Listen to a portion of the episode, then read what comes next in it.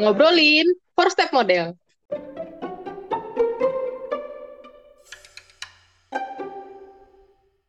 Yo, naik kereta api, tut tut tut.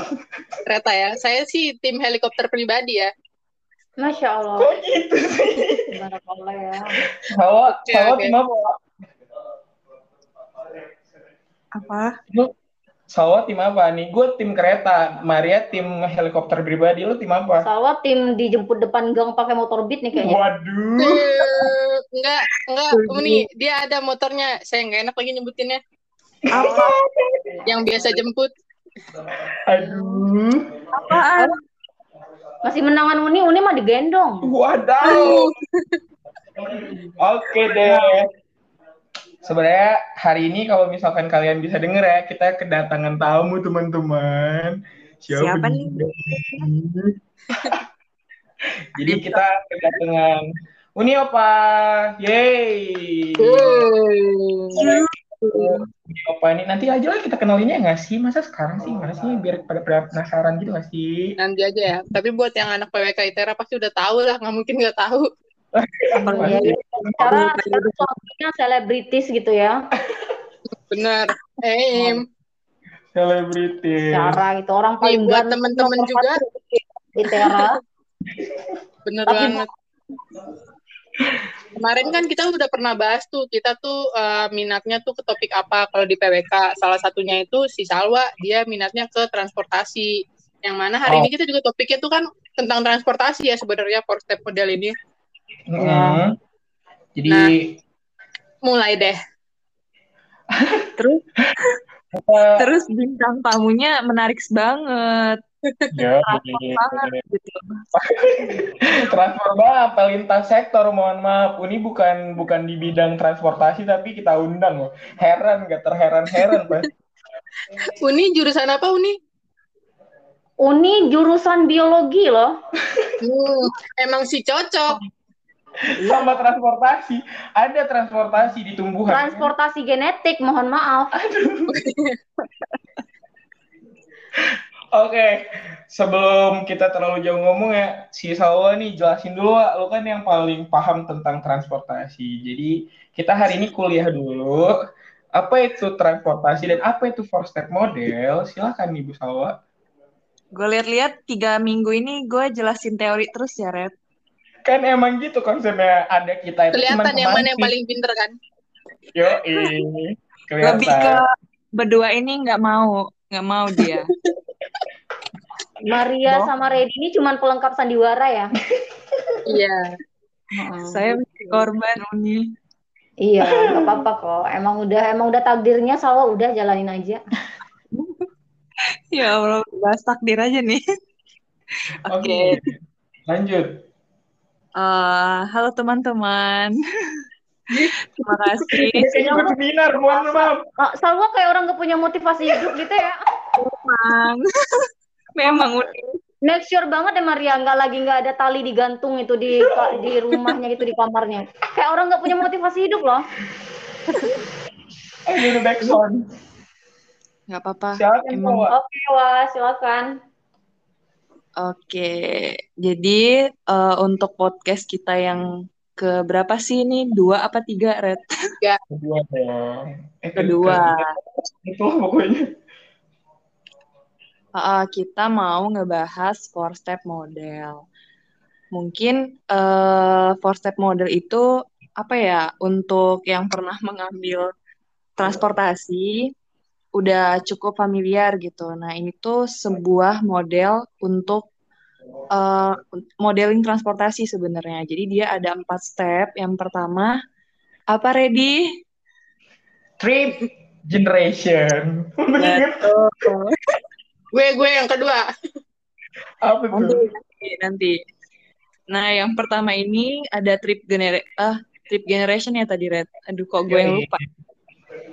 Nah, itu kita mau mengidentifikasi aktivitas-aktivitas yang ada di sekitar, eh, yang ada di masyarakat gitu. Misal di suatu wilayah A, eh, aktivitas apa aja sih yang ada di eh, mobilisasi orang-orang di sana gitu. Nah, setelah kita mengidentifikasi pergerakannya, bukan pergerakan sih, lebih kayak uh, aktivitas mereka. Nah, ada tuh step kedua. Apa Maria?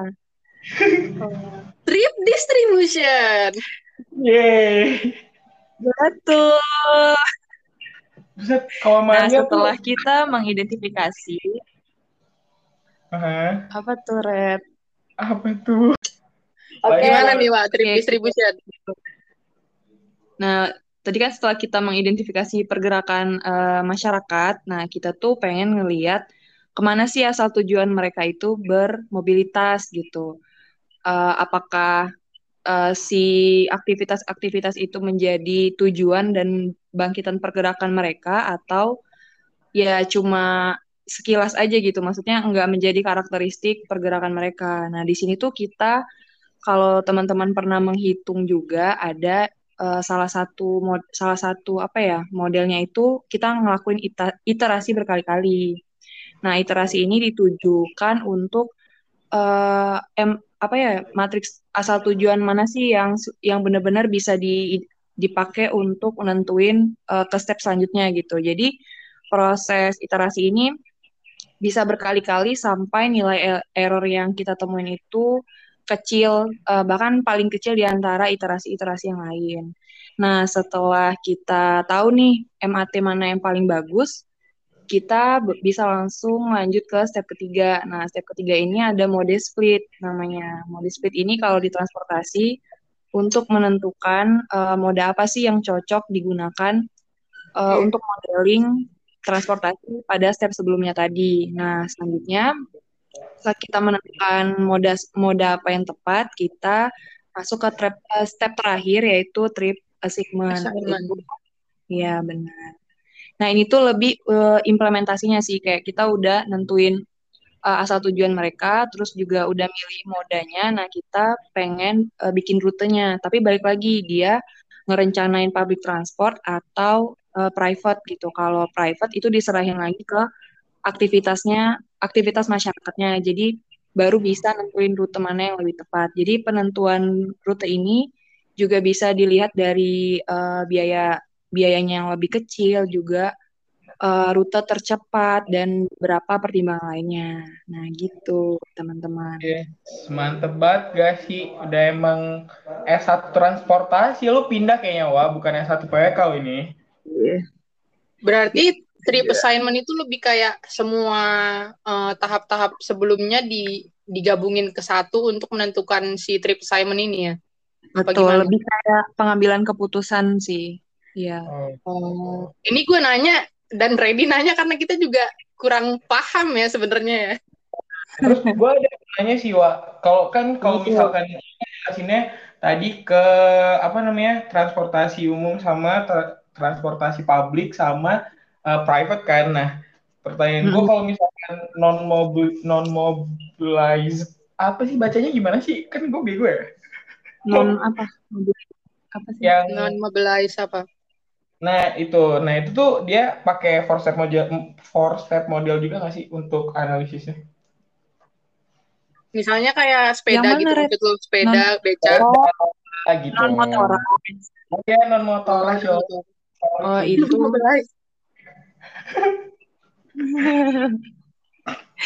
Jauh banget mobilize ya, mobilize. Gue mikir apa itu. Nggak cocok nih jadi mahasiswa percaya nggak nggak boleh gitu. Kita pintar di bidang masing-masing. Yeah. Branding Gimana tuh? Gimana tuh pertanyaan Ready tadi? Kalau NMT sebenarnya uh, sama sih, ada juga modelnya, cuman mungkin dia lebih sederhana, tapi nggak sesederhana yang kita bayangin juga, karena ada beberapa pertimbangan lain, karena kan dia uh, ngelihat demand orangnya ya, maksudnya demand gak sih orangnya, jadi hmm. baru bisa kita identifikasi lebih lanjut, tapi uh, ya balik lagi sih ke demand orangnya masing-masing, tapi kan kalau public transport sama private kan itu udah pasti gitu loh, nah jadi mungkin si four step model ini lebih familiar di penentuan yang motorized. Oh, hmm. dia kalau misalkan apa kan ini kan istilahnya kita mau nentuin ya dia tuh mau kita sediain moda baru dan lain sebagainya gitu. Nah itu kan tadi lo bilang demand sangat berpengaruh gitu. Nah kalau misalkan untuk public transport nih kira-kira menurut lo di Indonesia nih kayak mana sih untuk public transport sendiri demand-nya gitu. Kalau misalkan untuk supply-nya gue rasa pemerintah udah bisa oke okay nih, tapi kalau misalkan untuk demand-nya kan kayak belum kelihatan banget nggak sih? Atau gimana nih? Nah ya itu, kok jadi kayak gue diuji ini ya sidang.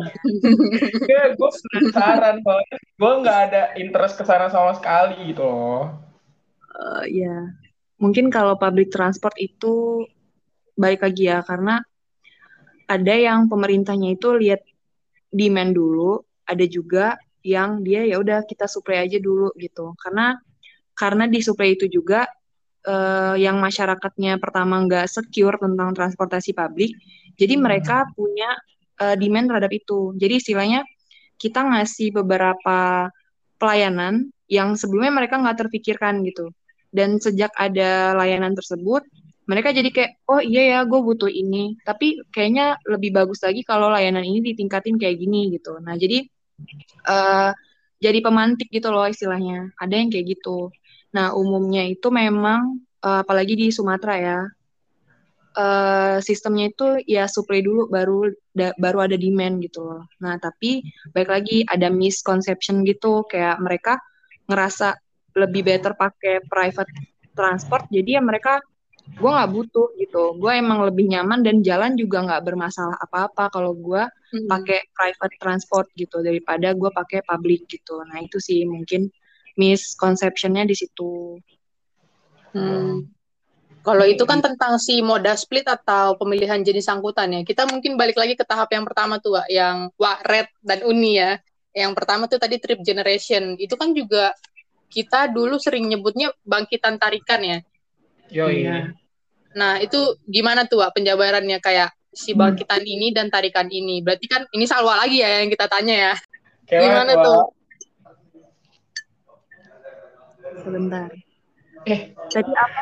Uh, ya Allah. Si bangkitan tarikan di sini. Kalau misalnya dari beberapa sumber yang sebelumnya kita baca kan kayak hmm kalau di Trip Generation ini kan ada nih jenis-jenis perjalanannya. Misalnya ada tiga di sini yang home based work itu yang dari rumah ke kantor, terus ada hmm. home based other atau dari rumah ke tempat lain dan home based trip dari tempat lain ke tempat lain. Ini kan berarti kayak uh, apa ya gambarannya seperti kita tuh ada tujuannya gitu mau ke mana, gitu nggak sih? Mm, ya, uh, iya itu balik lagi ke karakteristik apa ya kayak misal nih di Bandar Lampung. Itu kan ada berbagai aktivitas juga kan. Nggak cuman ke kantor ke rumah. Terus ke kantor eh apa ke rumah ke tempat pendidikan dan segala macam. Nah banyak kayak ke kawasan industri juga ada. Dan bahkan uh, bahkan tuh four step model ini tuh sering ditujukan untuk misalnya kayak permasalahan susah banget distribusi barang ke tempat industri di Panjang gitu. Nah, jadi bisa diidentifikasi berdasarkan aktivitas itu juga. Karena emang uh, metode ini tuh ya lihat kebutuhannya lagi sih. Dan emang apa ya cara analisisnya juga beda-beda gitu. Kayak kita butuhnya apa itu beda analisisnya. Nggak selalu kita pakai iterasi kayak tadi atau apa. Banyak sebenarnya hmm. gitu baru tahu ya. nih gue kalau misalkan yang gue pelajarin kan biasanya first step kayak begitu begitu aja gitu kan. Nggak hmm, ada yang kayak harus misalkan uh, untuk apa beda lagi untuk apa beda lagi gitu. Ini emang transportasinya agak gimana gitu nih otaknya ya. Mohon maaf ini mah kalau trip distribution tadi itu dia titik beratnya tuh lebih ke mana sih? Kayak uh, kan di sini kalau di sini ada penjelasannya trip distribution adalah untuk melihat bagaimana lalu lintas dapat ditimbulkan oleh suatu wilayah atau hmm. di eh oleh suatu wilayah itu didistribusikan. Itu tuh lebih ke pribadi masing-masing dia milih jalannya atau memang kayak misalnya kita menilai jalan itu gitu. Misalnya hmm. dia lebih banyak dipakai yang mana? Iya, uh, mungkin kalau biasanya di modeling emang hanya sebat nggak hanya sebatas sih sebenarnya banyak kayak ini kan nanti outputnya salah satunya MAT ya MAT kan matriks hmm. asal tujuan jadi setelah di awal itu kan kita pengen identifikasi aktivitas masyarakatnya. Nah yang ini tuh lebih kayak memperjelas ke mana mereka gitu loh. Kayak misal uh, korpri ini Korpri Wai Halim gitu atau apa. Nah, itu lebih kayak ke situ, lebih jelas gitu. Terus arahnya ke mana kalau mereka ada sip 4 itu ke mana arahnya lebih detail lagi gitu. Atau kalau skala kota ya kayak Jabodetabek MAT-nya banyak banget kan itu. Wah. Hmm. Bener-bener. Iya. Kalau yang di apa sih habis step ketiga Pak? Eh, Moda moda split. Kalau moda split itu kan kalau diartikan pemilihan moda ya. Nah, Hmm. untuk pemilihan moda sendiri itu sebenarnya sama sih pertanyaannya ke Maria itu. Itu tergantung dari individunya kita mau milih moda apa atau itu yang kata lu tadi bisa bisa bisa disesuaikan sama kebutuhannya mau ke, ke arah mana gitu. Misalkan penyediaan modanya dia ke arah misalkan kereta ya kereta gitu. Kalau misalkan ke arah bis ya pakainya bis gitu. Atau gimana? Iya, eh, mungkin untuk sampai saat ini ya Red yang dipelajari itu lebih ke kebutuhan eh, penelitian atau proyek ter- tertentu gitu. Misal Hmm. di kemarin kan di dekat MBK masalahnya macet gitu. Bisa aja eh, pemerintahnya ngeluarin kebijakan, oh oke gue bakal mengkaji eh, modeling transportnya. Jadi nggak harus ada flyover gitu. Tapi eh, untuk tapi kayak mana ya? Karena modeling ini suatu hal yang rumit dan jangka waktu panjang, maksudnya penelitiannya. Jadi mungkin agak lebih ribet gitu. Dan emang cara insannya ya mungkin pembangunan flyover atau penambahan apa gitu. Nah, yang yang yang gue tahu lihat dari karakteristik permasalahannya, misal macet.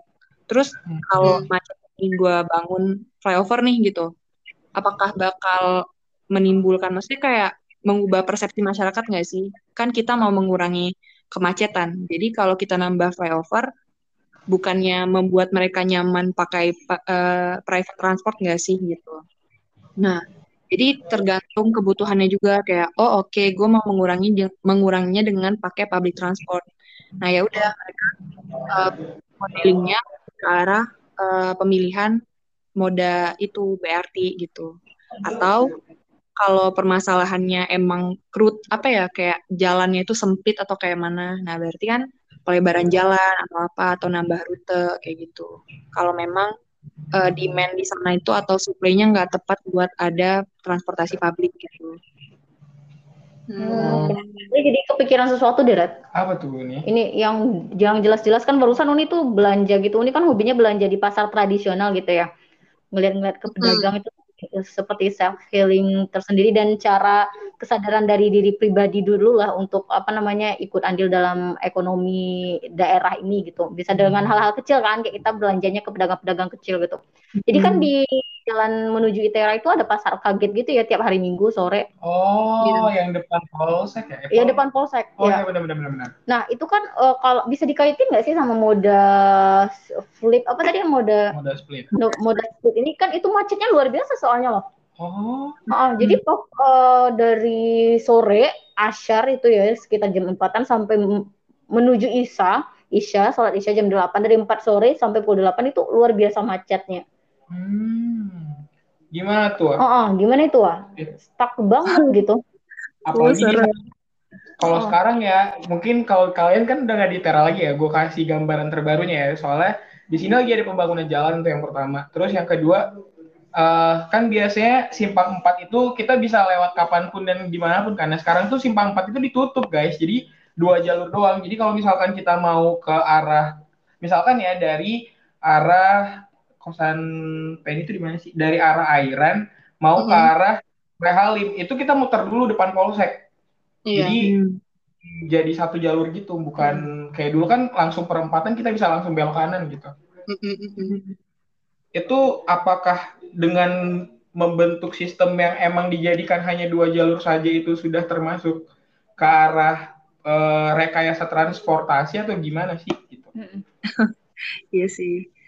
Eh, mungkin kalau dari gue ya karena itu juga sifatnya nggak permanen gitu. Karena eh, mungkin tujuan si pemerintahnya nggak tahu kan kalau ada pasar kaget. Jadi mereka belum kepikiran bahkan nggak secure tentang itu gitu kan. Oke, Jadi oke. ah, jadi mungkin lebih apa ya pengaturan lalu lintas mungkin benar sih udah dengan rekayasa dia menutup jalur atau apa. Jadi istilahnya membuat orang-orang oh oke kalau gue belanja gue nggak pakai kendaraan pribadi gitu. Tapi mungkin Hmm. kalau misalkan Oke. lebih lanjutnya emang agak ribet soalnya harus penyediaan parkir, pelebaran jalan atau apa gitu. Betul Mungkin banget. kalau misalnya permasalahan di situ kemacetan atau ada perbaikan jalan untuk dalam eh, hal moda split kita bahkan kalau misalnya nentuin moda split itu kita ada pertimbangan biaya, kemudahan sama waktu tempuh kan. Mungkin kita bakalan lebih milih oh gua naik motor aja deh daripada naik mobil. Kalau naik mobil nanti makin lama gua nyampe ke sono keburu kangkung-kangkungnya dapet yang udah lembek-lembek gitu kan. Jadi mending naik motor atau parkir jauh mungkin Ya, naik mobil terus jalan dikit kalau memang Hmm. belanjanya mau banyak ya, ya pertimbangan kita masing-masing aja kali ya Oh, oke oke, I feel you. I see. Iya, Jadi iya. ya sih bener sih. Bisa juga kita naik ini nggak sih, naik Grab aja nggak sih? Udah turun aja di pinggir jalan, dan Grabnya pergi gitu kan. Jadi kan nggak nggak terlalu baik. Tapi parkir sih masalah tuh parkir karena kan di sana agak susah ya. Parkir paling depan masjid. Uni tadi Iya, parkir. parkirnya depan masjid. Ada juga sih ya disediain parkir-parkir gitu dekat Hmm. pasar. Cuman kan parkirnya Makan parkir dadakan juga tempat, kan. iya, makan tempat gitu. Dan untuk kayak ka- kalau uni pribadi sih ya kalau mau ngestok pedagang, kayaknya itu luar biasa loh, lumayan signifikan untuk dari eh, apa namanya segi ekonomi gitu ya, membantu banget. Dan itu rame, yang belanja cuman yang bawa motor sampai yang mobil-mobilan gitu berhenti di situ. Karena tujuannya Iya. uni sendiri ya eh, men- menyadari bahwa harganya itu murah banget gitu, kayak Iya, eh, mereka beli hasil kebunnya gitu langsung Emang dijual. Bener gitu. banget Ah, sih murahnya. murah banget asli. Jadi mereka itu kayaknya bahkan di bawah pasar gede ya Uni Nah, betul, betul. Harus disupport sih kalau menurut pribadi difasilitasi apa gitu sama pemerintah daerah atau Pemko ya gitulah maksud ini. Gitu, Mm-mm, jadi bener. itu belum kalau nggak salah belum, belum ada yang ngekaji juga sih. Iya, Iya. uh-uh. Uni kepikirannya kayak gitu gitu. Karena dari segi ekonomi lumayan membantu masyarakat daerah, pedagang daerah lah gitu. Dari segi Iya. customer kita yang masyarakat juga terbantu karena harganya murah banget. Bahkan dua kali lipat lebih murah. Wow. Iya. Ini Marian yang suka belanja ya guys. Terbantu sekali. Jadi simbiosisnya itu mutualisme gitu. Hmm, bener. Bener. Setuju nih. Langsung setuju ini. Oke, lanjut lagi nih. Oke. Eh, Jadi, mungkin nambahin satu ya, Red. oke boleh. Nah, gue tuh kan abis memperdalami si four step model ini kayak gue punya insight tentang perspektif lain nih dari eh, four step model ini. Jika gue kaitin gitu sama eh, hal-hal di sekeliling gue gitu. Iya. Kayak dan gue tuh dapat in- apa ya kayak si teori ini tuh bagus juga gitu kayak relate gitu. Gue terapin salah satunya mungkin oh nanti dulu lah ya nanti dulu itu. gue dapat pandangan kayak eh, yang pertama nih ada trip generation kan. Dia m- nge- mengidentifikasi karakteristik aktivitas. Nah terus salah satu orang ini pernah cerita kayak aku tuh kalau milih eh, ini di, di apa apa namanya ya kalau aku milih teman atau orang-orang yang di sekeliling aku aku tuh sering pakai four step model ini Salwa gitu. Terus gue kayak nanya kan, iya kayak wih menarik ya gitu bisa diaplikasin ke kehidupan sehari-hari gitu. Mhm. Kayak kayak mana tuh bisa eh, relate gitu sama aktivitasnya sehari-hari atau bahkan nyari orang-orang yang menurut dia penting gitu kan. Hmm. Ya aku sih lebih implementasinya ke nyari pasangan hidup Sal gitu. Kayak wah gila, wah gila keren banget gitu kan. Maksudnya jarang gitu orang-orang yang menerapkan teori yang dia pelajari ke kehidupannya sehari-hari. Ya nggak sih? Oke. Iya. Benar. mungkin biar uang kuliahnya kepake kali ya Iya. Ya ampun, nggak gitu-gitu juga kali wah ya ampun sedih, emang sedih, emang sedih banget. tapi tapi unik unik kayak apa ya istilahnya yang kita pelajarin kemarin-kemarin gak hilang gitu aja gitu loh kayak kalau kita Ya, I see, I see. Aplikatif gitu ya, relate jadinya. Jadi kebantu lah ya kita nggak sia-sia lah kita dengerin dosen gitu kan. Nah, betul. Gimana emang Wak katanya Wak nerapinnya? Iya dia dia ceritakan kayak eh, aku tuh kalau terutama tentang pasangan ya aku milih orang-orang itu pertama aku lihat dulu karakteristik orangnya dari mulai cara dia berpikir terus cara dia bicara cara pokoknya lebih kayak kita identifikasi aja nih bukan bukan kayak sosok deket gitu atau apa gitu kan Iya. nah terus abis dia ngelihat karakter kata karakter karakter tadi kok karakternya ini ya cocok banget kriteria gue banget nih gitu nah terus dia lanjut nih ke step kedua apa tadi trip distribution ya? Distribution. Ya, ah, yang ngelihat ah, yang lihat asal tujuan dan segala macam tadi. Nah, dia konteksnya kan ada iterasi berkali-kali. Nah, setelah dia ngelihat oh karakteristiknya gue banget nih gitu. Terus dia lihat apa berkali-kali maksudnya kayak cara dia bersikap ke orang lain atau kayak mana nyari-nyari informasi gitulah ya. Eh, walaupun nggak kita mm, walaupun spoiler gitu lah ya. Iya, spoiler. Nah, itu. Jadi dia ngelakuin iterasi berkali-kali bahkan kayak banyak banget sampai menemukan nilai error yang terkecil dari orang itu gitu. Kayak ya wow. Jadi kayak Kayak ada perubahan gak nih orang dari sikap-sikap sebelumnya gitu. Benar. Nah, itu bagus banget sih menurut gua kayak oh iya juga ya. Eh, oh iya juga si nggak cuma kita ngelihat karakteristiknya kayak misalnya kita ngelihat oh ganteng ya, oh dia tinggi ya, oh dia pintar ya, nggak segitu aja gitu loh. Ada hal-hal lain, ada hal-hal lain yang menurut orang ini tuh perlu loh dilihat berkali-kali sebelum kita pilih dia sebagai uh, orang yang cocok nih kita gitu di masa yang akan datang akan sampai kapan pun gitu kan. Nah itu tadi sih. Terus uh, setelah iterasi berkali-kali itu ny- dapat nilai error yang terkecil, dia mulai kayak uh, apa ya? uh, maksudnya udah udah klik nih dua-duanya, maksudnya udah saling cocok gitu. Dia dia kayak mulai mikir, ini kita mau uh, milih apa nih? Kita, kita cocoknya sebagai dia atau apa gitu. Mungkin pemba- pembahasan itu penting gitu loh, apalagi di orang-orang yang uh, mungkin udah urgent gitu, dia pengen banget milih pasangan yang halal atau apa gitu. Nah itu sih, ya yang pandangan itu sih kayak gue ngelihat keren banget ya gitu. Bahkan bahkan milih orang yang dia pengen jadiin pasangan itu ternyata bisa gitu dari modeling-modeling yang udah dia pelajarin. Dan gue works gitu loh untuk apa ya? Mungkin untuk dia atau gue belum nyoba ya. Maksudnya, kayaknya juga bawa aja bawa silakan. hipotesisnya masih belum terbukti ya loh nih. Eh, tapi emang udah udah nih dari sekian terbuktinya udah nih. Waduh. emang betul kok ini disampaikan Salwa wow. Nah, Uni Uni teori pendukung ntar deh Waduh. Itulah nyambungnya yang dibahas Salwa sama kenapa kita undang Uni ya. Iya, Ya. Gak sabar. Ya sabar juga gua. Karena kalau yang belum tahu, ayo kita kenalin Uni dulu. Uni itu Oke. kan eh, eh, istri atau pasangan dari dosen kita pas kita kuliah di eh, PWK ya. Benar. Dosen- Bapak Bapak Yuda Rahman, STMT. Hmm, disebut. Wow. Nah, tapi kalau misalnya yang pernah dengar cerita ketemunya Pak Yuda sama Uni itu gimana, pasti ya kayak eh, wah, amazed juga gitu karena nggak kayak cerita-cerita biasanya gitu loh. Nah, itu di situ kita penasaran, kok bisa ya nyatu dua insan ini gitu. Kalau bisa kita lihat dari karakteristiknya kan mungkin dua-duanya bisa dibilang be- beda gitu Betul. jalannya. Beda banget, Yang beda satu banget. pas kuliah masih di mana, yang satu kuliah di mana, meskipun tempat tempat asalnya sama gitu. Benar. Oke, sebelumnya kita suruh nggak sih tamu kita kenalan dulu? Boleh nggak sih? Boleh.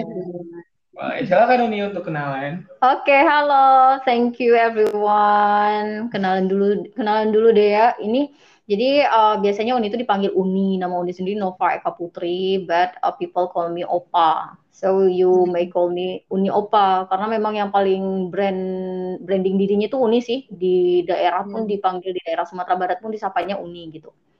Iya. Hmm, Sekarang sedang menjadi eh sedang menjadi sekarang eh, telah menjadi istri dari Bapak Yuda Rahman STMT itu Ready tadi ngejek banget ya STMT-nya padahal itu faktor pertimbangan buat nikah sama Yuda. Kalau gelarnya nggak STMT gue gak bakal mau. Oh iya, Iya, wow, kenapa tuh? memang itu yang Nice, salah nice. satu syarat jadi ja- syarat jadi pasangan hidup Uni itu Kangen ya. harus harus lelaki teknik. Wah, Wah. Ah, tinggi guys. Jadi dari dulu termasuk uh, Uni itu termasuk cewek-cewek ambis gitu sih, Hmm. ambis, idealis, perfeksionis gitu. Oke. Ada yang mau ditanya nggak nih, guys? Banyak sih pertanyaannya. Kita sudah menyiapkan Banyak. pertanyaan. Oke, dari Salwa dulu deh nanya, Pak. Aduh, kenapa ya? Hari Kenapa ya? Silakan untuk ngomong paling banyak. Udah, udah Salwa, udah jujur aja, Reddy udah ngasih jalan loh. Sebenarnya banyak yang tertahankan di hati dan perasaan Salwa. Biar heart to heart gitu ya. Biar hati yang tak bertuan itu gimana gitu, nggak sepi-sepi banget gitu. Romantis banget ya Uni. Pada Mm-mm. kaum Uni. Iya.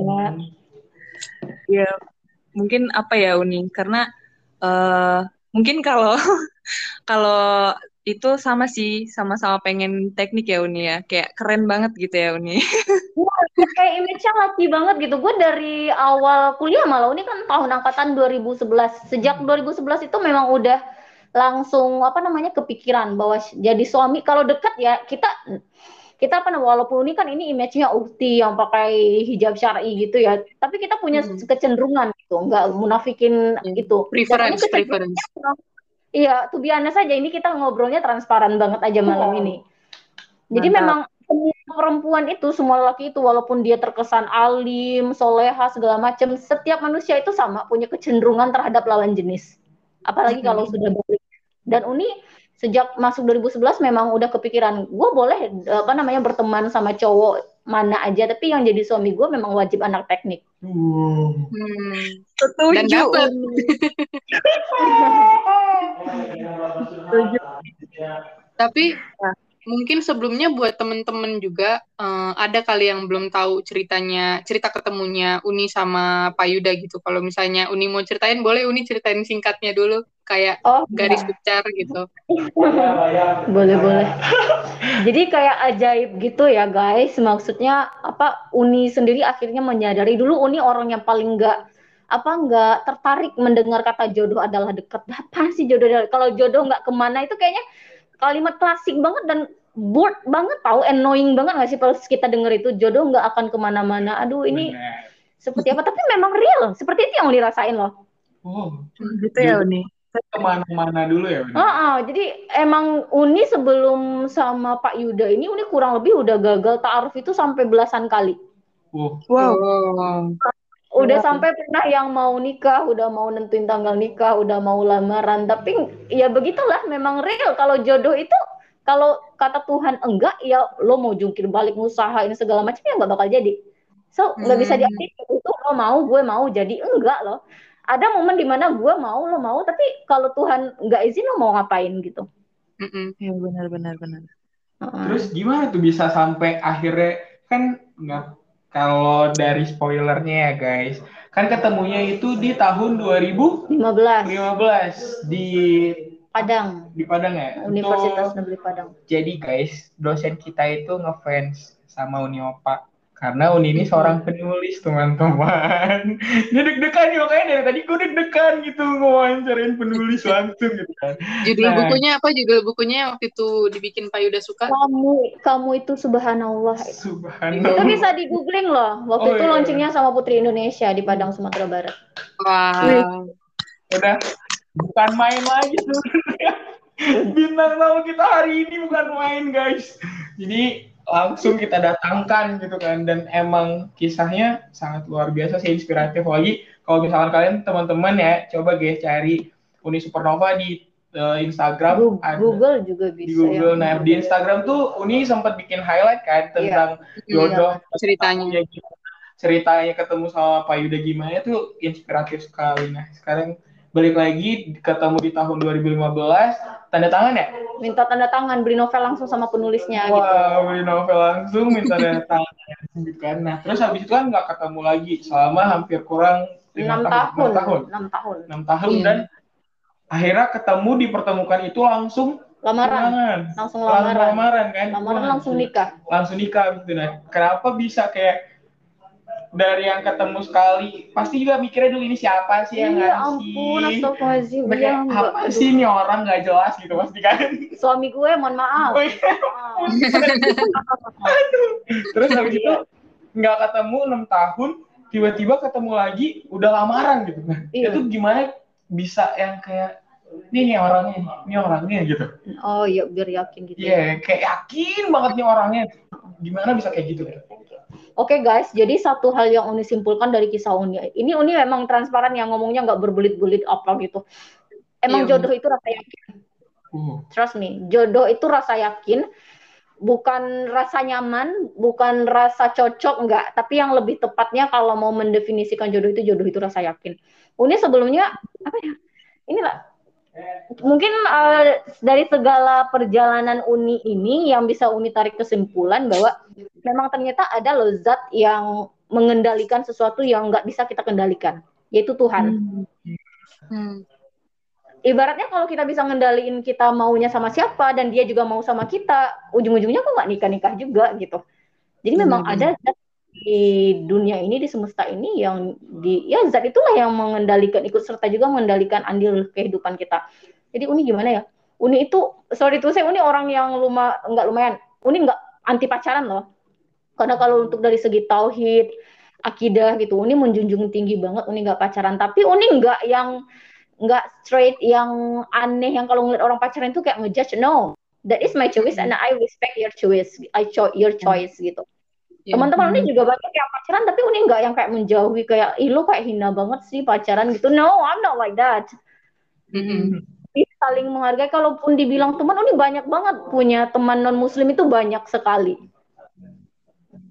bahkan Hmm. Uni eh, apa namanya saking strike-nya ini ya kalau untuk hal-hal akidah gitu untuk hal tauhid yang keagamaan itu Uni nggak pernah seumur hidup itu ngucapin seperti selamat Natal selamat merayakan Natal gitu nggak Uni uca- ucapin karena kan memang akidah agama ini hal yang sangat luar biasa sensitif ya jadi toleransi Hmm. dalam berakidah itu dalam pikir dalam pandangan Uni adalah membiarkan pemeluk agama itu masing-masingnya melaksanakan ibadahnya tanpa harus kita usik. Jadi nggak harus yang gue Idul Fitri lo harus ke rumah gue ngeraya Idul Fitri ngucapin ini lo Natal gue ke rumah lo no. Memang bisa Mhm. memang untuk khusus akidah itu luar biasa sensitif. Jadi lebih milih jalan untuk ya siapa lo siapa gue gitu. Hmm. Iya. Ah, Namanya pilihan ya. Nah, Oke. Jadi harus respect. Kalau untuk apa namanya, Uni punya teman banyak banget teman, tapi ada batas-batasan untuk saling menghargai di akidah. Ini Uni memang cari jalan aman 100%. Kalau untuk makan, nongkrong bareng banyak banget. Jadi Uni itu aja sih. Ada kan beberapa orang yang terkesan sangat alim, sangat luar biasa memegang agamanya, tapi melupakan bahwa kita itu sama-sama manusia gitu. Hmm. Jadi bukan berarti orang yang tidak menghargai pandangan kita itu lebih hina, lebih eh, apa namanya, lebih berdosa dari kita. No, ingat loh, iblis itu dikeluarin dari surga bukan karena apa-apa, tapi karena merasa lebih baik. Iya benar. Mm-mm. Jadi maksud ini ada momen di mana memang kita lebih baik dari orang itu, tapi merasa lebih baik itu masuk ke dalam sombong dan itu tidak boleh. Ketika Tuhan merintahin iblis kan buat sujud ke Adam, kan iblis nggak langsung sujud, padahal yang nyuruh Tuhan loh. Tapi dia masih yang kayak defend, ngapain gue harus sujud dia kan dari tanah sementara gue dari api. Jadi iblis itu dikeluarin dari surga. Kalau ibarat cerdas, dia cerdas loh. Dia kepikiran itu, Hmm. bisa kepikiran. Si Adam kan dari tanah, gue kan dari api. Dia bisa mengkorelasikan itu tanah sama api. Ibaratnya lebih tinggi derajat gue gitu. Dia cerdas Iya. banget loh iblis. Tapi dikeluarin karena apa? Karena kesombongannya. Jadi itulah. Kalau untuk apa namanya jodoh ini, uh, guys, for Lebih you yakin. Oh, lebih kerasa ya- yakin. Uni nikah itu umur 28 tahun. Uni hanya ingin um, apa namanya menyampaikan sekali lagi bahwa jangan pernah tertekan hanya karena faktor umur. Uni Mhm. merasakan itu banget soalnya. Ini sepertinya di negara plus 62 ini memang judgement bahwa perempuan kalau sudah di atas umur 25 tahun dan belum nikah itu dipandang tidak laku atau aib ya. Hmm. Iya.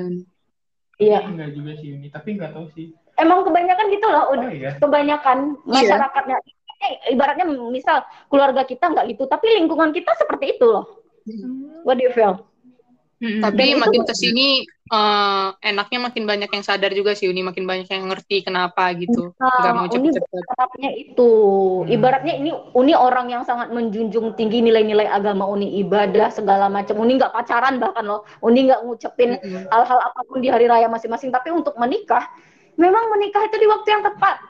Ibaratnya nggak ada loh di agama kita itu kita disuruh cepet-cepet nikah nggak ada. Hmm. Tapi menikahlah di saat kamu memang sudah merasakan bahwa kamu siap, siap mental. Uni udah ngerasain banget nikah ini ya. Nikah itu bohong Hmm. besar. Kalau yang bilang nikah itu enak uh, enggak lebih dari itu. Wow. menikah itu menyatukan dua pandangan lebih. Anggaplah misalnya ketika single kalian punya pasangan atau pacaran gitu. Itu akan totally different banget ketika kalian nikah karena ketika kalian menikah ini kalian akan mengeluarkan siapa diri kalian 100% seutuhnya. Dan pasangan kalian kalian berekspektasi pasangan kalian akan menerima. Dan nggak semua pasangan memiliki pemahaman itu. That's Hmm. Oke. ya jadi kalau Uni sih nyaranin ke kalian kalau misalnya sekarang yang masih kerja, oke boleh Uni walaupun Uni misalnya kok ukti-ukti berhijab syar'i, Uni nggak pernah tertarik sama yang namanya nikah muda, sorry to say. Tapi Uni respect sama mereka yang berani nikah muda itu luar biasa loh, nggak sembarangan itu respect. Mudah-mudahan kalau benar-benar mereka menikah bukan hanya karena sa- nafsu semata ya. Eh, Kalian apa meng- menyedihkan banget guys kalau kalian mikirnya nikah itu cuma urusan ranjang. No, Mm-mm. itu hanya bagian yang kecil dari pernikahan. Menikah itu memang kalian butuh ilmu. Jadi ilmu apa? Yang paling mahal itu di nikah memang ilmu sabar. Karena kita manusia, kita pasti punya apalagi kepada pasangan kita. Tapi sayangnya guys, pasangan kita bukan korban ekspektasi kita. Iya. Benar. Benar sih itu. So, memang kalau misalnya Uni ini Uni kenapa dulu nggak pernah tertarik nikah muda karena memang Uni ingin memaksimal Uni mau berkeliaran menuntaskan impian-impian perjalanan pas nikah tuh nggak ada lagi momen di mana kita mikirin awas ya lo sama orang ketiga awas ya selingkuh-selingkuh no kita memang fokus kita udah selesai sama diri kita masing-masing kita selesai sama diri kita sendiri Iya. udah silakan kita pas menikah itu mikirinnya gimana rumah tangga kita ekonominya makin lebih baik, gimana iman kita akan semakin meningkat ke arah yang lebih positif. Seperti itu. Jadi menikahlah di saat kalian memang sudah merasa kalian selesai dengan diri kalian sendiri, kalian sudah bisa menghidupi diri kalian, apalagi laki-laki. Sorry itu saya. Uni Uni memang Uni dulu pas taruh pun banyak yang kayak ngelamar-ngelamar yang mau ngasih eh, apa namanya mahar hafalan ar-Rahman segala macam gitu. Tapi sorry banget nih, gue kalau misalnya lapar, gue kan nggak bisa makan ayat-ayat gitu ya. Tetap butuh hepeng, Oh, oh. Oh. kan sih buat keras, Iya. punten ini mah. Punten. Jadi nikah itu komplit ya guys. Kalau untuk berteman, Uni berteman sama siapa aja. Tapi untuk nikah, bibit, bobot, be- bebet itu real banget. Apalagi laki-laki, kalian ketika kalian menikah, laki-laki ya, kalian dalam keadaan berarti siap menanggung tanggung jawab memenuhi kebutuhan diri kalian dan kebutuhan istri. Betul. Gila tertampar. Heeh, jadi untuk untuk yang laki-laki kalian ke- memikirkan ah nikah ah, biar apa namanya biar enak ada yang nyiapin makan segala macam. Sorry lo nikah mau cari babu atau mau cari ketenangan hidup gitu. Tertampar ya, Red. tertampar sih. Jadi pahami banget lah niat lo nikah itu apa, tujuan lo nikah apa, uni. Apalagi untuk kalian yang perempuan ini, Maria Sawa ya. Zaman sekarang itu, apakah perempuan harus punya penghasilan sendiri? Wajib banget kalau uni harus ngomong. Mereka untungnya alpha woman sih dua-duanya. Heeh. Jadi apa Dua-duanya namanya?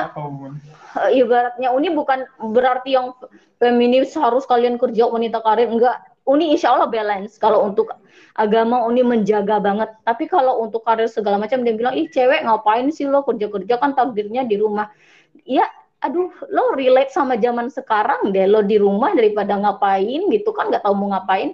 Mending kalau bisa cari lihat gitu Bener. Heeh. kalau Di mana kita misalnya- pasti bisa nyari penghasilan sih Uni ya. Iya, jujur ya, kita cewek ini punya kebutuhan yang luar biasa lebih banyak daripada laki-laki lo. Masa ya lo bakal minta-minta mulu sama suami lo? Skincare gua Iya. aduh nih, gitu kan, apa namanya, eh, toner gua nih udah kritis. Gua pengen Toner, segala macem gitu. Owner. krim pagi, krim siang, krim malam. Kapan main? Ini zamannya yang nggak bisa modal 5000 lu kenyang gitu. Nggak zamannya lagi. Kalau dulu emang iya gitu kan. Apalagi pas eh, pandemi ini, aduh itu aja sih saran ini kalau kalian yang perempuan jangan pernah takut karena umur. Kalau kalian punya penghasilan bagus banget karena zaman sekarang itu kita perempuan nggak bisa yang lembut-lembut banget loh. Nyenye-nyenye banget. Kita memang takdirnya itu lembut, keibuan, penuh kasih, tapi bungkus semua itu dengan ketegasan. Jadi tetap harus punya power Yes. Benar. kalian itu apa namanya istri dari laki-laki di zaman modern. Di mana nggak bisa lagi kita itu kayak yang diinjek-injek gitu yang disuruh-suruh lo harus nyuci lo harus ini. Enggak kalau ini sama pak mengambil kesepakatan bahwa nggak ada yang namanya kewajiban istri itu nyapu nyuci masak. Enggak kewajiban istri itu adalah memberikan rasa tenang ke suaminya menjamin bahwa suaminya dalam keadaan tidak merasa terusik akan tingkah lakunya gitu. Akan kepribadiannya seperti ini ini nggak aneh-aneh ya nggak yang pergi-pergi keluar sama teman-teman cowok no. Kalau masalahnya rumah segala macam itu rumah tangga itu saling bantu. Itu terhitung kebaikan. Jadi kalau misalnya Uni kan bilang ke Pak Yuda kalau misalnya saya nyapu saya nyuci jangan pernah kepikiran bahwa itu kewajiban saya no. Itu kebaikan. Aduh manajernya nggak semua nggak semua perempuan melakukan itu jadi memandang laki-laki memandang istri seperti itu. Kalau untuk laki-laki juga pas dia ngasih kita nafkah, beli kasih uang uh, bulanan, ya udah kan kewajiban lo no. Itu adalah kebaikan karena nggak semua orang, nggak semua suami yang melakukan itu. So kalau untuk pasangan ya intinya apakah harus selektif harus banget. Ini kalau untuk masalah pasangan itu ibaratnya kalau yang seperti agamanya, uh, attitude-nya itu nggak perlu dibilang lah itu udah secara mutlak permanen nggak harus disebutin. Udah dasar banget udah dasar banget yang, yang paling harus ada udah paling itu harus, harus ada, ada, itu. gitu. yang kalian pikiran itu adalah memang nggak jangan menilai lelaki ini dari berapa jumlah gajinya per bulan no. Tapi nilailah mereka dari potensi rezekinya. Apa tuh maksudnya? Oh, maksudnya ya, mohon maaf ya. Jadi walaupun dia apa gajinya mungkin di bawah kita atau apa misal gitu kan, tapi lihat apakah dia orang yang bertanggung jawab, apakah dia orang yang optimis menjalani hidup dan menjemput rezeki. Karena walaupun sorry ya suami lo kaya raya gaji 200 juta per bulan pun kalau orang dasarnya pelit ya lo akan juga sia-sia sih gitu. ya Allah. Uh, jadi jangan pernah mandang cowok itu cuma dari gajinya per bulan doang, no. Tapi lebih ke pribadinya sih. Kalau ini syarat Uni jujur ya waktu pas single memang fokus kita itu guys kalau untuk pasangan ini fokuslah menjadi bukan mencari jangan sibuk mencari yang mapan sibuk mencari yang bertanggung jawab sibuk mencari yang bagus karakternya tapi sibuklah lo lo yang harus sibuk duluan jadi lo bertanggung jawab nggak? Lo karakter lo baik nggak? Lo anaknya attitude-nya bagus nggak? Jadi harus balance jangan lo sibuk mencari tapi sibuk menjadi. Nah itu yang dipikirin. Istilahnya kayak ini sih ini jodoh itu adalah cerminan diri kita ya sih? Jadi kalau misalkan kita berusaha untuk menjadi lebih baik insya Allah jodohnya juga akan baik gitu. ya nggak sih? Kalau yang Uni simpulin ya dari perjalanan Uni sama suami ini dua memang jodoh ini pasti dua aja. Cerminan diri dan saling melengkapi. Ada dari diri kita itu benar-benar sama persis. Misalnya seperti Pak Yuda orangnya kan memang yang loyal ya. Kalau untuk masalah apa keuangan segala macam dia nggak pernah hitung-hitungan. Uni pun pribadinya juga seperti itu uh, Pak Yuda pun orangnya seperti yang lego aman nyaman kalau ada orang rame datang dia yang friendly humble Uni pun seperti itu gitu jadi hmm. ada beberapa hal yang memang apa namanya mirip banget di antara kita sama sama cerminan diri banget jadi kita tipe kalau orang yang nggak gampang tersinggung, nggak gampang baperan gitu. Tapi ada yang saling bertolak belakang banget. Misalnya apa ya dari segi-segi prinsip gitu, dari segi-segi apa Uni orangnya detail banget sih. Misalnya kalau untuk keuangan rumah tangga ini, ini ke mana aja pemasukan sekian sekian kalau pengeluaran sekian sekian kok nggak emang kalau Pak Yuda lebih ke ah Yuda lah rezeki nggak ke mana kayak gitu hmm. sementara kalau pas sudah nikah ini kita menyatukan dua prinsip tuh nggak mudah guys ya, benar. jadi ya. jangan pernah kalian itu terpengaruh please Uni bener-bener sampein kepada kalian yang belum menikah jangan pernah sekalipun terpengaruh dengan influencer-influencer yang baru nikah lalu uwu-uwu peluk-pelukan no kalian that's stupid thing kalau kalian menilai rumah tangga orang hanya dari story yang 15 detik dari fit yang peluk-peluk itu nggak benar. Ini Uni juga mantan baru masih tiga bulan lah ibaratnya. Enggak yang seperti itu rumah tangga sebenarnya guys. biasa. Makanya nggak heran kan kalian ngelihat kayak artis selebritis yang sepertinya fotonya bagus-bagus saja tuh di Instagram eh tiba-tiba cerai. Yeah. Banyak Bo terjadi ya Uni. Uh, uh, sosial media itu uh, apa namanya tempat ajang pamer yang ngebedain skalaritas pamernya ada aja hmm. ada yang pamernya biasa-biasa aja yang pamernya memang pamer banget jadi nggak bisa dibohongin bahwa sosial media itu memang ajang pamer hmm. jadi nggak qualified kalau misalnya kalian mencari pasangan itu cuma mulai dari sosmednya aja Hmm. Nah, itulah yang Uni alami. Memang Uni support banget itu relate banget yang four step model itu loh. Hmm. Itu benar. Hmm. Jadi dari pasangan itu kita ada momennya kita ngeliat-ngeliat jauh dulu gitu kan. Kayak Pak hmm. Yuda waktu Pak Yuda datang itu Uni bahkan udah mau nyari selamaran sama yang lain. Hmm. Wah. Tipis ya. Tipis banget ya, Pak. Tapi tarik jauh agak eh tarik dulu dikit ya. Sebelumnya kan Pak uh, Uni ngomong kayak setuju banget nih gue. Uh, pasangan kita itu bukan tempat ekspektasi kita. Makanya kita perlu kayak untuk ya mengenal dia betul-betul. Jadi kita tahu nggak kita cocok gak sih sama sifat dia gimana-gimana gitu. Supaya nanti kebelakangan juga ya cocok-cocok terus. Tapi nih agak penasaran juga sih. Kan Uni kan uh, baru ketemu uh, sebentar dan dikit gitu. Emang udah udah kenal, udah cukup kenal gitu nih. Apa gimana? Nah, Oke, okay, nah jadi itulah Uni kan ngambil jalannya taaruf ya, memang karena Uni orangnya nggak hmm. pacaran. Jadi sebenarnya taaruf yang sebenarnya for your information itu ada di mana kita itu diperantarai sama ustadz ustazah yang memang udah kaliber banget di situ yang udah mumpuni. Yeah. Jadi di situ kita nanti diskusi uni pribadi itu nggak pernah sampai teleponan, WhatsApp, video call ketemu sama Pak Yuda nggak pernah loh saking uni se-strike itu kalau untuk urusan hal-hal yang berbau agama gitu. Yeah. Hmm. Jadi ibaratnya uh, itu ada ustazah yang memperantarai gitu. Jadi di situlah kita melempar pertanyaan. Dan ada momennya di mana Uni diizinkan untuk menghubungi keluarganya Pak Yuda. Dan Pak keluarga Pak Yuda itu harus mau terbuka 100% jujur menceritakan apa kelebihan kekurangan Pak Yuda. Dan Pak Yuda pun juga seperti itu. Diberikan jalan untuk menghubungi keluarga Uni untuk menceritakan bagaimana kelebihan kekurangan Uni. Dan di situlah pertimbangan kita. Dan guys kalau memang jodoh memang faktor yakin sih. Lebih ke faktor yakin kita itu seperti tidak memaksakan kehendak tidak memaksakan kenyamanan tapi akan ada yang namanya faktor yakin Uni hmm. sebelumnya yang sebelum sama Pak Yuda ini kan ada juga nih mau lamaran kan Pak Yuda ini pokoknya datang berselang kurang lebih kurang sebulan Uni mau lamaran sama cowok itu. Iya. Jadi Pak Yuda nah, ini datang. Tipis.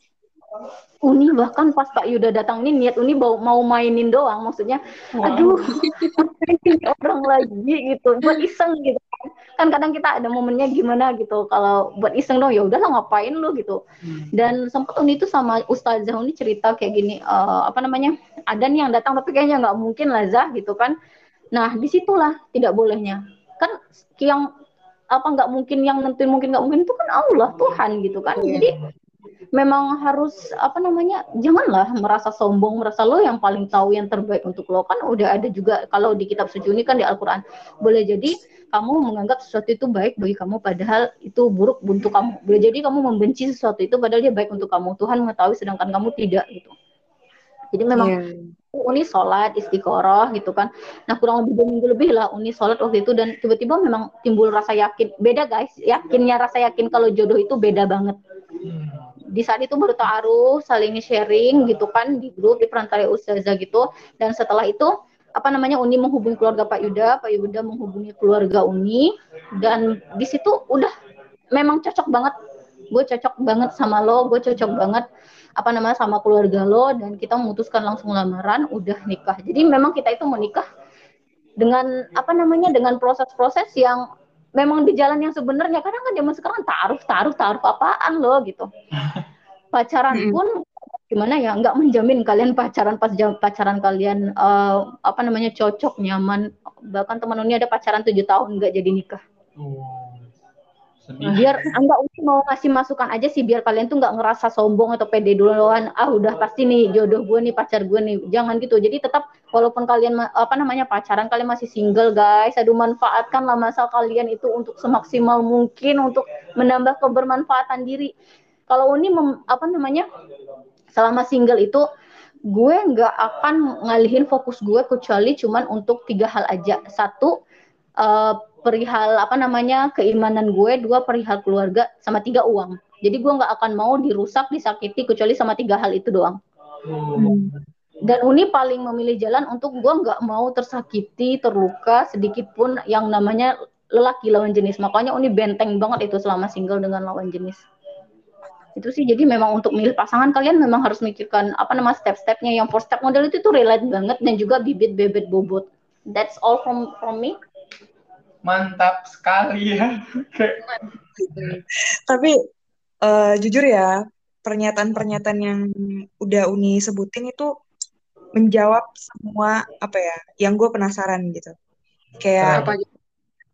Ya kayak Uni bilang, uh, kita tuh perihal memilih jodoh atau nikah adalah kita harus siap sama, eh, maksudnya kita harus selesai sama diri kita sendiri. Nah itu, itu yang kayak setuju banget sama Uni karena apa ya banyak apalagi kalau keluarga-keluarga yang uh, kok belum nikah mana nih pacarnya calonnya gitu-gitu kan ya pasti ada ya walaupun dikit gitu iya, kan. umur udah berapa gitu. Apalagi kita cewek kan under pressure banget lah kalau udah umur 25 tahun gitu. Belum ada pasangan. Betul. Dan jangan lupa kalian harus siapin apa namanya orang-orang dekat untuk yang jadi support support sistem kalian. Karena di masa single ini kalian butuh orang-orang yang nguatin apa namanya Uni ya. Uni kan nikah umur 28 ini. Itu udah dijudge sana sini ditekan sana sini. Tapi Uni tetap kekeh gue nggak akan nikah hanya karena umur gue udah 27 gue nggak akan nikah hanya karena umur gue 28 itu banyak banget yang jodoh-jodoh ini banyak banget. Yang maksa-maksa Uni ada kadang kita itu momen di mana bertemu sama lawan jenis yang kriterianya itu memenuhi semua ekspektasi keluarga kita. Tapi kitanya enggak. Bener, itu juga sering terjadi. jadi paksain ya udahlah gue pengen bikin keluarga gue bahagia gue nikah aja. Aduh stop all the drama. Ini paling nggak tertarik dengan drama-drama seperti itu. Hmm. lo sebenarnya nikah mau demi apa? Ngapain buat ngebagian keluarga lo ngebagian orang tua lo? Terus habis lo nikah lo makan nasi pakai kuah air mata gitu. Hello cukup deh pas single aja deh lo jungkir balik pas udah nikah saatnya lo menikmati momen ketenangan hidup yang nggak lo dapetin saat single Bener, Bro. bener, bener. Gila sih, ya ampun.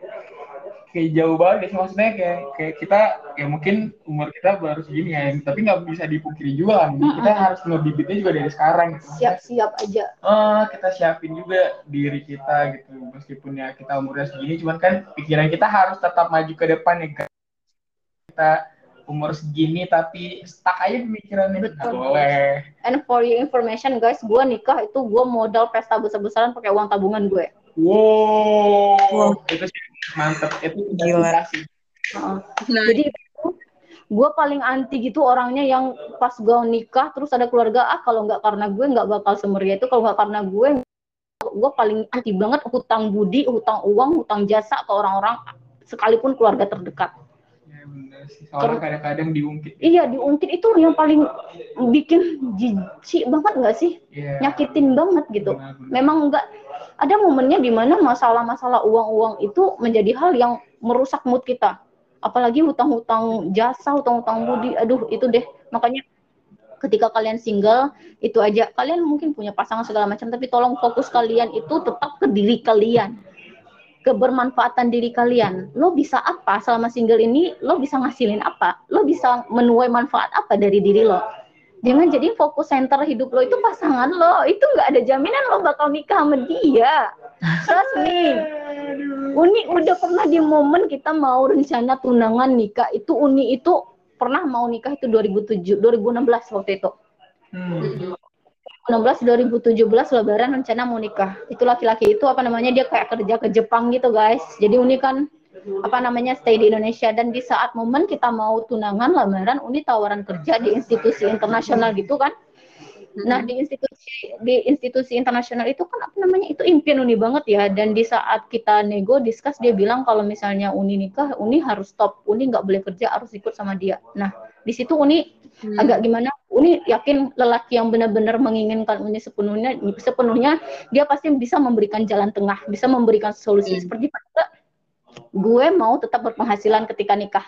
Tolong lokasi eh, insight dari lo apa. Kan Pak Yuda jawabnya silakan kamu mau bekerja apa pun nggak apa-apa. Yang penting satu saja. Kamu menjalankan kewajiban kamu sebagai istri. Kamu tidak apa namanya tidak menyia-nyiakan suami dan anak. Nah itu kan jawabannya bagus banget. Dan di saat itu yang waktu 2017 itu dia bilangnya Uni harus stop semuanya, dia Uni harus ikut sama dia. Ya udah, gue lebih milih kerja. Dan itu rasanya hati gue hancur banget guys. Ya ampun gagal tunangan, orang-orang tetangga semua udah pada tahu kalau Uni bakal segera tunangan, itu hancur banget. Tapi ada momen Hmm. di mana kamu harus memilih jalan menghancurkan perasaan kamu sendiri daripada kamu harus mengorbankan impian-impian yang sudah jelas nyata di hadapan kamu.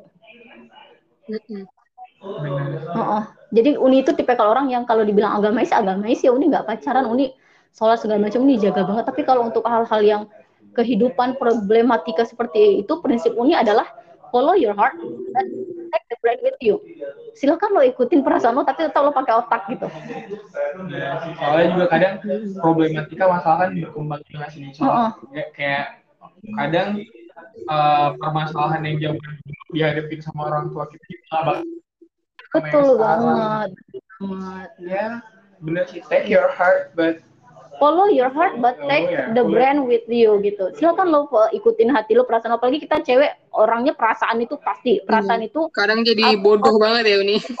Heeh, oleh perempuan tapi itu aja salah Uni Uni pun kalau ngasih motivasi nggak pernah kan yang hadis-hadis Al-Quran itu enggak. Gue nggak gitu guys. Gue yang realistis aja gue sampai ini jelas-jelas aja. Nggak ada motivasi-motivasi apaan gitu yang drama-drama kata mutiara. Kita nggak butuh itu guys zaman sekarang. Yang kita butuhin zaman sekarang itu adalah solution. Benar. Benar. Oh, oh, insight-insight yang realistis, yang rasional. Jadi kalau cuma ngasih-ngasih kata-kata mutiara, iya semangat ya, tidak ada yang tidak mungkin, kamu bisa, kalau kamu pikir kamu bisa.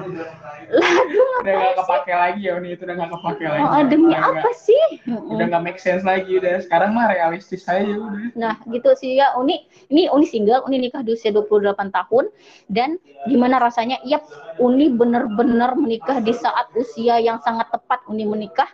Uni menikah di momen di mana Uni selesai dengan semua diri yang ada di diri Uni. Uni menikah di saat momen di mana ilmu pengetahuan agama Uni, di mana apa namanya karakter dan pribadi Uni dalam keadaan maksimal untuk menjadi seorang istri. Dan Uni menikah di saat tabungan Uni sudah sangat mumpuni dan mencukupi untuk berumah tangga. Jadi gue paling anti kalau udah nikah tapi masih minta-minta sama orang tua. Gitu sih. Tapi kalau misalnya lo mau kayak gitu nggak apa-apa sih guys. Uni bukan berarti apaan ya. Tapi ini prinsip, ini masalah prinsip aja ya. Aha. Kalau Uni begitu sih, gue masih single, gue sehat, muda, gue waras, gue bisa gerak. Ya ngapain gue sia-siain ma- masa-masa single gue sama hal-hal yang nggak nggak menghasilkan uang atau nggak menghasilkan insight gitu kebermanfaatan diri. Itu aja sih. Ini ya Allah demi Allah demi Rasulullah ya guys. Open Jadi ini juga rumah rumah ini rame ya. Jadi kayak Payuda sama Uni Opa meskipun kayak belum dapat belum belum dapat bukan belum dapat sih belum diamanahi. dia belum diamanahi eh, untuk ngomongan tapi ngomongannya udah banyak ya agak Masya Allah, kayak tabarakallah. peliharaannya banyak Ya ampun, mohon maaf. besar besar badannya lagi kan ya Allah Latihan Uni latihan. Betul banget. Nah, tahun sekali sekali apa namanya brojol ntar kembar empat. waduh Ah. Nanti udah gak kaget lagi Uni. Biasanya kan udah rame di rumah. ngurusin yang begini jadi eh gimana nih jadi Maria apa kesimpulan kita untuk hari ini Kesimpulannya ya, ya itu kayak tadi kata Uni, Uni aja, Uni sendiri aja yang udah ngejalanin di hidupnya itu four step model ini tuh bisa diimplementasiin di hidupnya dan tanpa sadar Uni sendiri juga implementasiin gitu. Padahal sebelumnya nggak tahu kan si four step model ini dan kita juga yang temennya Salwa juga dia cerita juga dia juga pakai four step model ini gitu. Jadi mungkin memang kalau memang milih-milih pasangan ini apalagi buat pasangan hidup ya ke depannya kayak hitungannya kan selamanya ya. Ya memang harus bener-bener banyak pertimbangannya jangan main-main gitu. Meskipun salah satu faktor utamanya yang menurut Uni tadi itu yakin, tapi selain itu kan kita juga harus tetap kenal gitu orang ini Mm-mm, gimana. Betul, betul banget. Harus harus banget. Jadi walaupun Uni ta'aruf sama Abang cuman momennya sebentar, tapi setelah tapi itu telah melalui proses-proses yang membuat Uni oh Uni udah ceritain sekarang secara jujur, secara nyata tentang Yuda Rahman. Jadi semuanya diceritain tuh kebobrokannya dia. Jadi di situ Uni maksudnya Uni bawa ke diri, kira-kira kekurangannya dia bisa nggak ya gue tolerir gitu. Iya. Hmm. Like that. Jadi nggak ada sih momennya uwu tiba-tiba satu jam dua jam ketemu nikah. Ya ada juga sih mungkin seperti itu terserah. Tapi kalau Uni pribadi nggak menganut prinsip itu. Memang harus Hmm. mengenal terlebih harus paham ya Harus paham. tahu bibit bebet bobot kelas Ya. Kalau untuk berteman guys, lo teman sama siapa pun, lo teman sama apa yang makhluk gaib, makhluk astral terserah lo. Tapi kalau untuk nikah, tolong selektif banget. Apalagi zaman sekarang dunia tipu-tipu guys. Mohon maaf. aduh aduh aduh aduh Heeh, ya ampun. Jadi jangan hanya modal lihat di sosmed postingannya ya ampun. Luar biasa sekali menyentuh hati. Jangan langsung tergugah ya guys ya. Jangan langsung kebaperan-kebaperan itu langsung merajalela no. Nggak bisa. Untuk nikah memang harus wajib selektif banget. Bahkan Uni nulis kriteria jodoh Uni itu detail. Satu, anak teknik. Dua, lelaki yang tinggi tubuhnya lebih dari 170 cm. Tiga, Uni nikah sama laki-laki itu wajib orang Pariaman tapi merantau. Empat, Uni nikah sama laki-laki yang dekat sama ibunya. Pak Yuda kan dekat banget sama almarhumah ibunya ya. Lima, Uni Iya. ini masalah pilihan, pilihan aja ya. Lima, Uni nikahnya maunya sama laki-laki yang nggak merokok. Uni tetap respect sama menghargai yang milih jalan merokok, tapi itu prinsip Iya. Uni kemauan Uni, Uni gitu. Dan selanjutnya, Uni pilih laki-laki yang memang doyan makan. Jadi syarat jadi suami Uni itu harus hobi makan. Soalnya Uni hobi masak tapi nggak hobi makan. Dan itu dipenuhi Pak Yuda semua. Oh, akhirnya kecapai jadinya Ah, ah. semuanya. Kriteria jodoh gue guys 100%. STMP. 100% di saat di mana gue nyebutin kriteria jodoh gue itu dulu keluarga ada orang-orang terdekat bahkan yang zaman sekarang guys bahkan orang terdekat pun terkadang menjatuhkan kita jadi ini pribadi orang yang nggak pernah mau menggantungkan hidup apa pun kepada manusia mana pun nggak pernah prinsip ini gue lahir sendiri mati sendiri. Harapan gue cuma gue gantungin sama Tuhan. Gue nggak mau gue 100% mengcover melindungi diri gue dari rasa kecewa. Makanya Uni milih jalan Uni nggak akan bergantung sama manusia mana pun. Mantap. karena kecewa itu rasanya aduh Jangan dipikir lagi. nyakitin banget mental. Kayak pernah sekali kerasa gitu kan ini ngambil jalan itu sih nggak pernah mau bergantung. Mau sedekat apa pun sama orang itu nggak akan pernah mau menggantungkan harapan apa apa sebagai bentuk Kalau melindungi kata diri anak zaman sekarang sih itu namanya manifest tuh nih. Kayak kalau misalnya dalam keagamaan namanya doa, bawa dalam doa atau eh, kalau dari dulu kita juga anak-anak kita diajarinnya omongan itu doa gitu. nah Jadi ya, betul. Eh, apa ya? ap- apa yang kita ucapin kadang itu bisa ngebawa kita ke hal itu gitu. Betul emang betul banget. Bayangin Uni itu 100% loh kriteria jodoh Uni. Itu itu di feed IG Uni ada. Terpenuhi semua. Mulai dari sekarang gue nyebutin nih deh, Red. Ganteng, Agak mulai ngaji. Sekarang berarti ya guys. percaya nggak percaya tapi benerin loh dan pernah lo tau nggak guys Uni nulis novel ini kan udah masuk ke toko buku seluruh Indonesia ya itu momennya waktu itu kalian tahu nggak film yang tenggelamnya kapal Van der Wijk yang Tahu, tahu. Hayati Zainuddin Hahaha. Iya. Uni nonton di bioskop waktu itu akhir Desember 2013 Mm-mm. film Hayu Hayati Zainuddin kan itu kan si Zainuddinnya jadi penulis gitu ya Hmm. Mm-mm. Nah pas nonton itu Uni dalam hati doang malah lo enak banget nih orang jadi penulis tiba-tiba terkenal punya penghasilan sendiri. Desember 2013, Maret 2015 ini launching novel sama Putri Indonesia. Ah, gila gitu. Gila. Aneh banget, the banget. power of doa ya. Iya, tiba-tiba gue kayak buku gue tembus gitu kan ke Gramedia bestseller, dapat penghasilan jutaan per bulan dari saya sangka gitu kan. Dan itu Uni nggak berlanjut nulisnya karena waktu itu Uni dapat tawaran karir apa namanya di institu- institusi internasional. Ya, internasional itu. apa namanya Uni realistis aja sih kalau misalnya ada yang lebih bercuan, lebih menghasilkan, gue lebih milih gitu. Jadi Lagi pula kalau nulis juga bisa sampingan-sampingan juga ya. Nah, harus punya kerja utama. Intinya itu aja. Hmm. Masa selama single memang maksimalkan, hajar banget. Miliki banyak passion. Kalau Uni ya, Uni ini sebenarnya rahasia Uni aja sih. Milikilah tiga hobi. Satu, hobi yang bisa menghasilkan duit. Itu Uni menghasilkan duit kan Uni hobinya ngajar gitu sama apa namanya Uni punya lembaga les eh, kurikulum Cambridge, Cambridge sendiri dan Uni juga Hmm. nulis itu hobi yang menghasilkan uang. Dua, milikilah, milikilah hobi yang bisa membentuk eh, pribadi karaktermu. Uni hobi banget itu bela diri. Uni kan salah satu atlet taekwondo Indonesia juga Wow. di kampus gitu kan. Kan Uni ambil Uni ambil jalannya yang pomse itu untuk hobi yang membentuk diri dan hobi Uni juga merantau gitu. Dan ketiga, milikilah hobi yang bisa mengasah kreativitasmu. Uni ambil pilih pilih itu di memasak. Makanya di masak Hmm. itu seni ngambilnya. So itu aja ya. Satu miliki miliki tiga hobi, satu hobi yang menghasilkan uang, dua hobi yang bisa mengasah uh, pribadi, diri. Uh-uh, tiga hobi yang bisa mengasah kreativitasmu. That's Yes, mantap banget. Ini bukan kaleng-kaleng ya guys. Tamu kita hari ini tuh bukan orang biasa sebenarnya. Jadi kayak deg-degan banget dari dari tadi yang awal kita mau ngehubungin Uninya sendiri untuk masuk ke podcast tuh kayak mau nggak ya, mau nggak ya gitu. Tapi ternyata mau banget dan Uni supportif banget ya ini. Uni Sama- support banget sama hal begini. Harus banget. Kalian lanjutkan ya guys ya. Mau podcast ya. Podcast kalian yang denger cuman pocong, kuntilanak, wewe gombel doang lanjutin. Amin. banget. Sebenarnya seneng juga Uni ngejalan ini jadi kayak sambil belajar juga biar nggak lupa apa yang dipelajarin pas kuliah.